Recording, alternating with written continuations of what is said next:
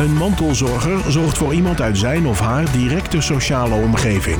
In deze podcastserie praten we met mensen die op verschillende manieren zorgen voor de mantelzorger, zodat zij altijd het gevoel hebben dat ze niet alleen staan en zelf gezond kunnen blijven.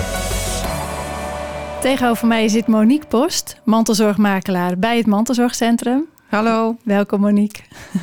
en bij ons aangeschoven is ook Richard. Hallo Richard. Hoi, met aan twee kanten Monique. Ja, Dat is Monique heel en verwarrend. Monique. Heel verwarrend. Ja. Welke Ja, Monique dat is lijkt nou me wat? ook. Ja, dat is, eh, ja, we hebben het altijd over Monique P en Monique V. Ja, zo is het. Ja. En eh, Monique Post, jij bent eh, mantelzorgmakelaar. Kun je uitleggen voor de luisteraars die dat niet weten wat dat precies inhoudt? Ja, een mantelzorgmakelaar is een onafhankelijke professional die eh, mantelzorgers ondersteunt door regeltaken over te nemen, van alles uit te zoeken, uit te leggen aan de mantelzorger. En die helpt met eh, goed onderbouwde keuzes maken. En eh, regeltaken, wat, wat voor regeltaken zijn dat dan? En ja, dat gaat eh, rond het inzetten van zorg of het regelen van toeslagen, financiële dingen, ehm, ja, welzijnsoplossingen inzetten, helpen met zoeken naar een bepaalde woning bijvoorbeeld. En, en ehm, eh, wanneer komen mantelzorgers bij jou als mantelzorgmakelaar? Wat voor vragen hebben ze dan? Dat eh, hangt een beetje af eh, van de manier waarop ze bij ons komen. Hè, eh, ik heb natuurlijk eh, een paar leuke collega's, eh mantelzorgconsulentes, die doorverwijzen. Die hebben dan eerst al een gesprek gehad eh, met de mantelzorger. En daar zijn dan heel specifieke hulpvragen naar boven gekomen. En dat, ja, het gaat wel heel vaak over financiële mogelijkheden zoeken en inzetten. Ja, en, Wat- en wat, wat, wat is het verschil tussen een makelaar en een consulent? Ja, nou de, de consulent is iemand die meestal als eerste gesprekken heeft met eh, mantelzorgers. Die ook van alles voor ze organiseert. En die ook wel, denk ik, vaker dan een makelaar de situatie thuis eh, ziet. En de mantelzorgmakelaar die, die pakt een specifieke hulpvraag op. En daar zit een kop en een staart aan.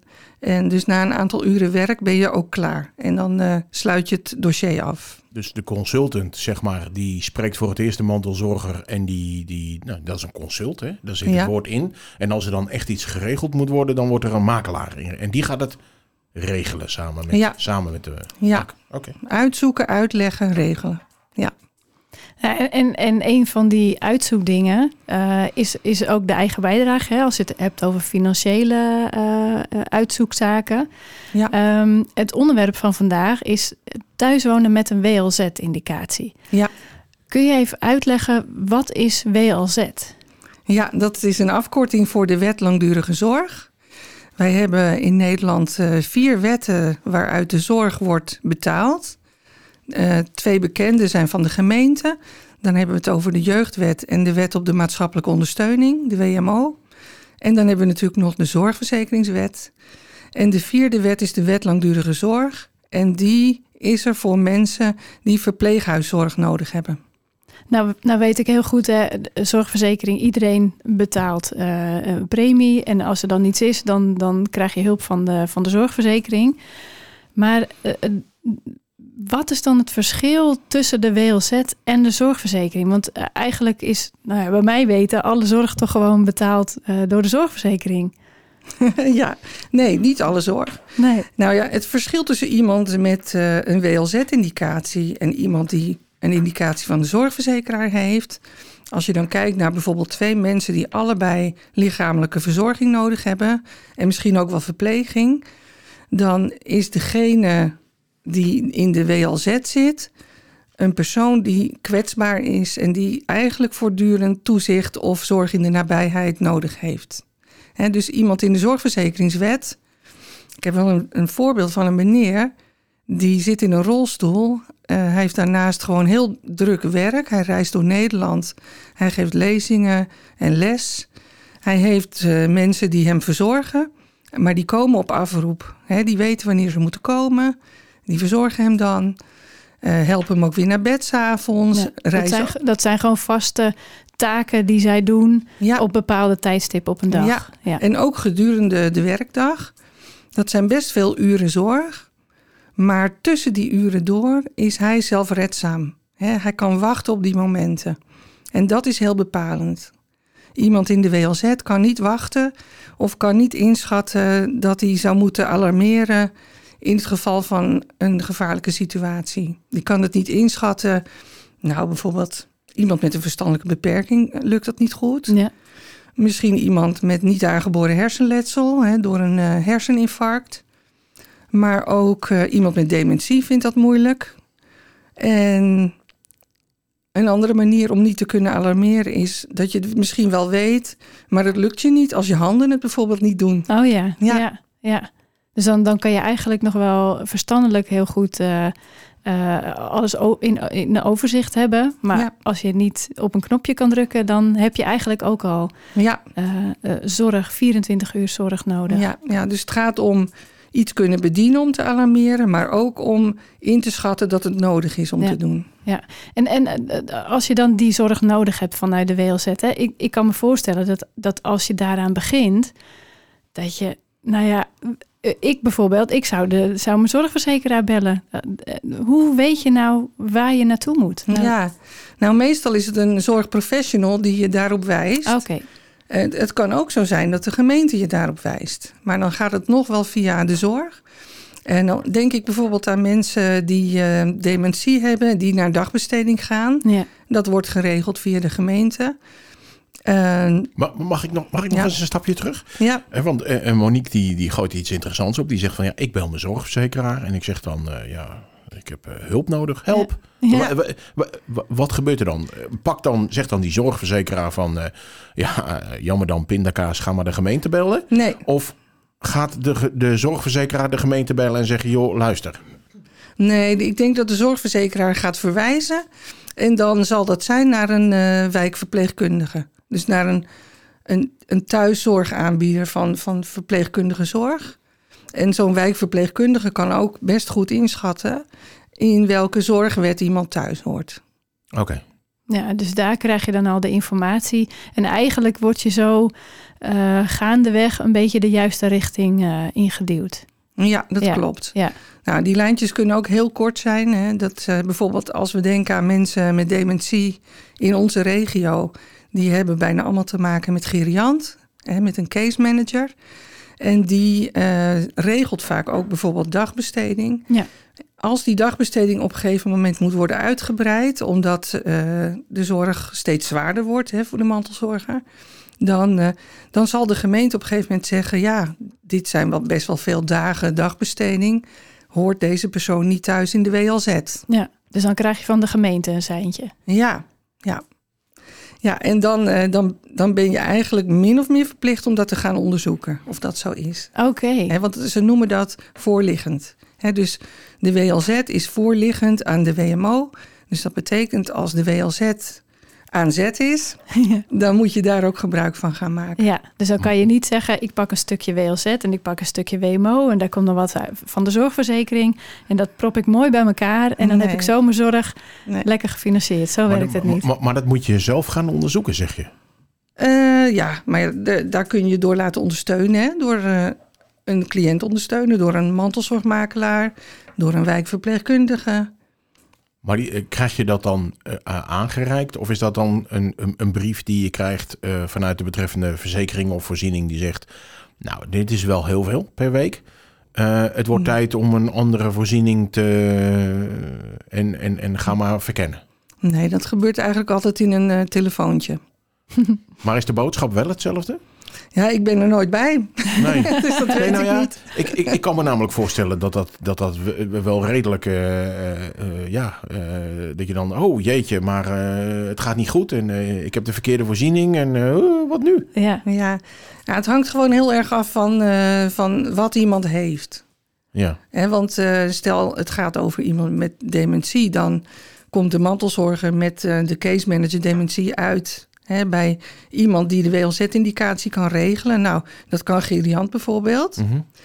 Ehm, gaat het om een kind met een verstandelijke beperking, dan kan het de school zijn die verwijst naar een cliëntondersteuner die daarbij helpt bij die aanvraag. Ja, en, nou zijn er natuurlijk mensen die kunnen dat eh, met hun handen op hun rug en de ogen dicht, zeg maar. Die, weet, die, die, die hebben daar geen enkele... Maar er zijn ook mensen die gewoon in dat, ik noem het dan toch even een soort van woud, hè? Mhm. in dat woud gewoon niet weten wat ze moeten doen. En, en wanneer, wanneer eh, komt dan bijvoorbeeld eh, eh, het mantelzorgcentrum eh, in, in, in beeld? Worden ze dan verwezen? Of, Ja. of, Oké, Ja, dat gebeurt meestal door professionals die hebben meegemaakt dat we het al een keer hebben gedaan. Ja. Eh, met succes bijvoorbeeld. En die dan Nou, het liefst wel. werden verwijzen. Ja, ja. ja. Nou ja, het blijft een beoordeling van het CIZ. Hè. Dat, eh, dat is de partij die die indicatie afgeeft. Dat dat is ook het, het verkenningsstukje wat jij Ja. bedoelt. Dus eh, je krijgt niet zomaar een WLZ-indicatie. Nee, je kunt hem ook niet kiezen. Nee. Nee. Dus het, het, is iets dat door een externe partij wordt geconstateerd. Ja. En, da- en dan wordt je, je naam wordt erbij geschreven, zeg maar. Ja, ja, en dat is een hele zorgvuldige afweging, want het is Dat een indicatie hopen, ja. die je krijgt voor de rest van je leven. Ja, Hè, dus eh, met name bij kinderen ja. is het voor het CIZ nog een hele uitdaging om in te schatten of dat kind later ook iemand zal zijn die niet adequaat zal kunnen alarmeren, bijvoorbeeld. ja want dan heb, dan heb je het wel ergens over. inderdaad. Ja. Ja. Oké. Want je kunt met een verstandelijke beperking kun je misschien prima eh, beschut werk hebben en op de fiets van A naar B eh, raken. eh, zonder dat je in de WLZ per se thuis hoort. Maar ben je bijvoorbeeld een kind dat heel goed van vertrouwen is en zomaar met Ja. mensen meegaat, eh, of niet verkeersveilig is, nou dan heb je het over een kind dat misschien wel in de WLZ thuis hoort. en, en je komt dus nooit meer af van de WLZ, hè? En, en je zei net al, WLZ is voorliggend. Dus eh, Mhm. voor de WMO, de zorgverzekering en dergelijke. Eh, je kan er dus ook nooit meer op terugkomen. Je kan Mm, ook jawel. nooit meer... Dat wel. Ja, dan moet je gewoon opnieuw een indicatie aanvragen. Dan, dan gaat het CIZ weer kijken. Ja. En stel je hebt een wonderbaarlijke genezing doorgemaakt. dan kan het zijn dat je geen eh, indicatie krijgt waar je hem wel had. Ja, Ehm, soms zeggen mensen ook er moet een hogere indicatie komen. Ja, dat, daar kijkt het CIZ naar. Ze kunnen ook op hetzelfde uitkomen. Of hoger of lager. ja, ja. Maar het gaat, het gaat niet eh, vanzelf. Of er, is, er zijn geen piketpaaltjes dat ze zeggen: oké, ieder jaar kijken we er even naar. Nee, dat dat nee. moet je zelf aangeven. Als je die wandeltocht naar Lourdes hebt gedaan en alles is weer oké, dan Ja. moet je dat zelf. eh, ja.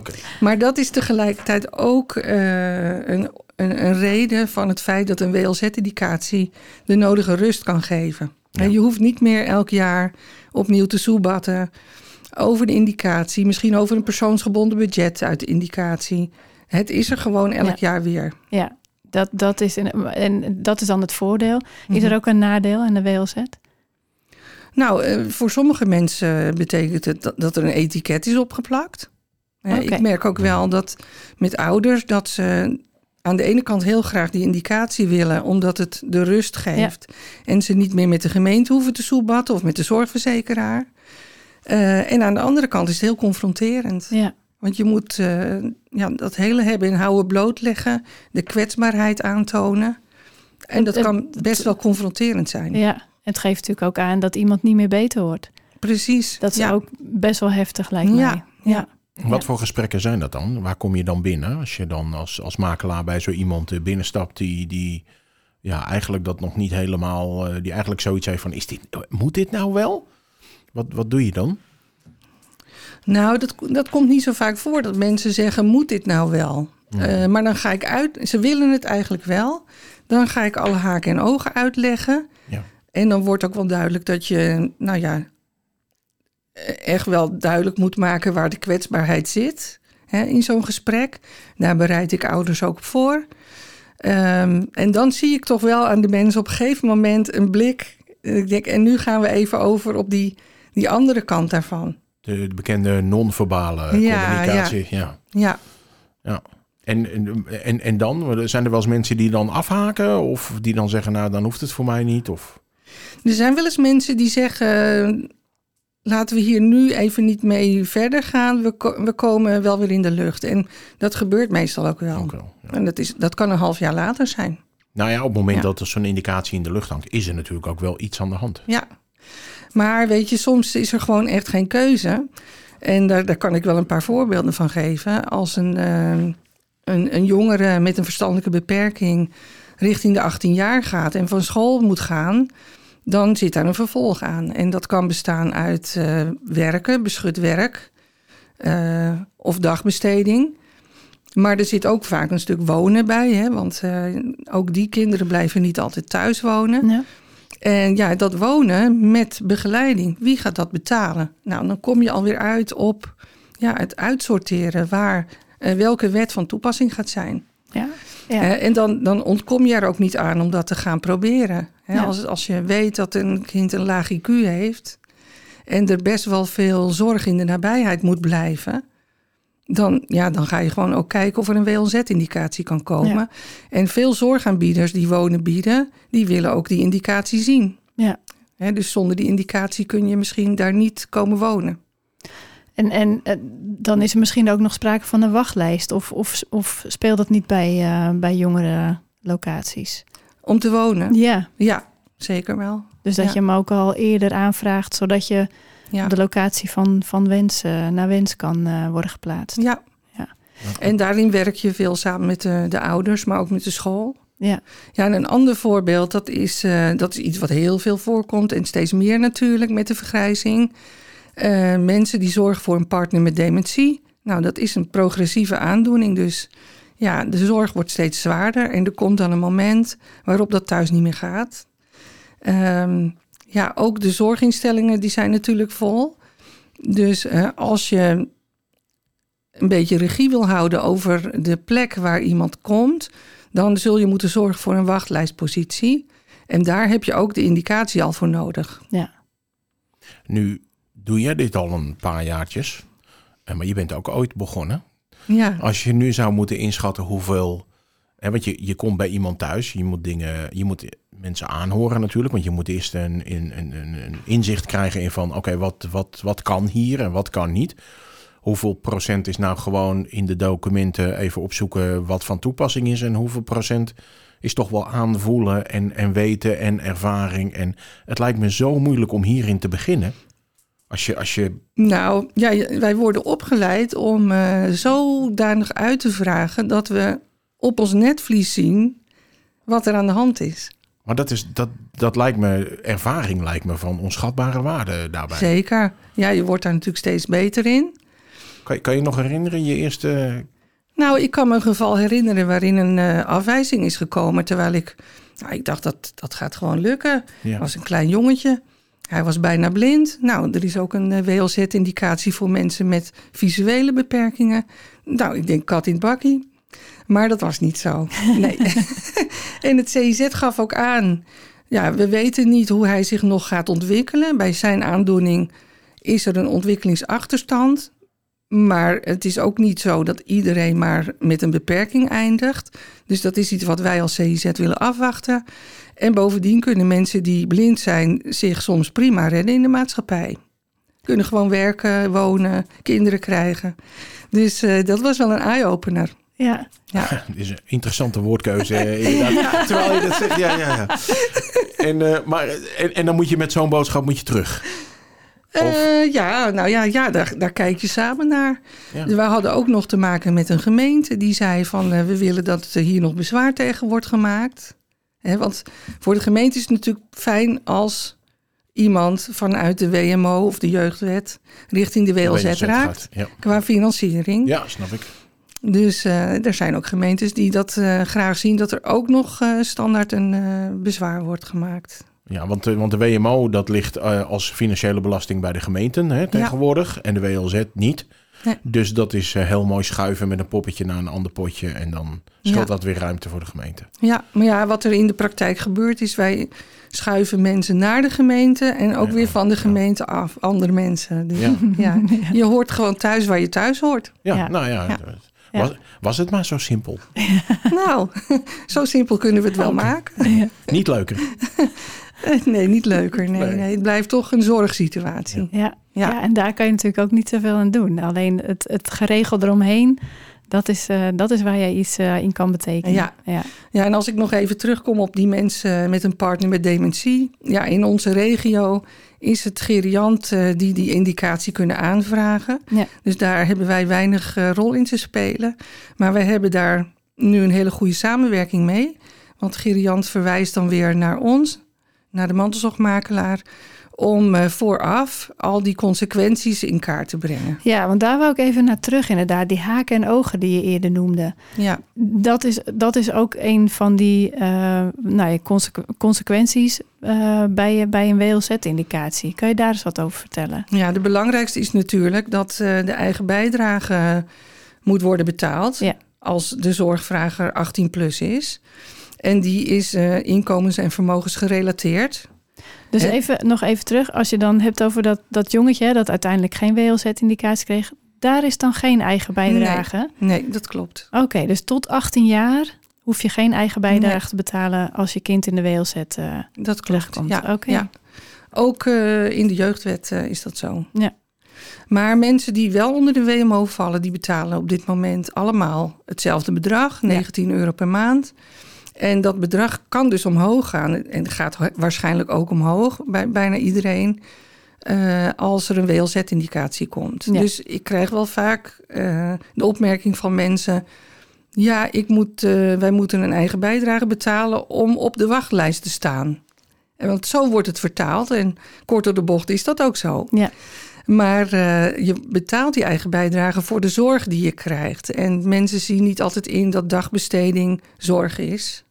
Maar dat valt ook onder zorg. Dus dat wordt dan voortaan uit de WLZ-indicatie betaald. Dus dan uh, sta je op de wachtlijst voor een, een, een zorginstelling. En in die tussentijd dat, dat uh, de partner of, of nou ja, de, de, de, de zorgvrager dat die nog thuis woont, kan die dus vanuit die WLZ, dat, dat geldpotje zeg maar, kan die dus gebruik maken van de dagbesteding. Ja. Ja, en dat wil ik ook nog wel even zeggen. Dat geldt voor iedereen met een WLZ-indicatie, dat je daarmee thuis kunt wonen. Ja. En dat is ook bedoeld om uh, niet te veel uh, zorginstellingen te hebben. Dat is natuurlijk de insteek van de overheid geweest. Ja. Maar ook als je het hebt over bijvoorbeeld een kind, dat is gewoon het beste af thuis. Ja. Dus uh, dat is heel fijn dat je daar dan al die zorg kunt krijgen.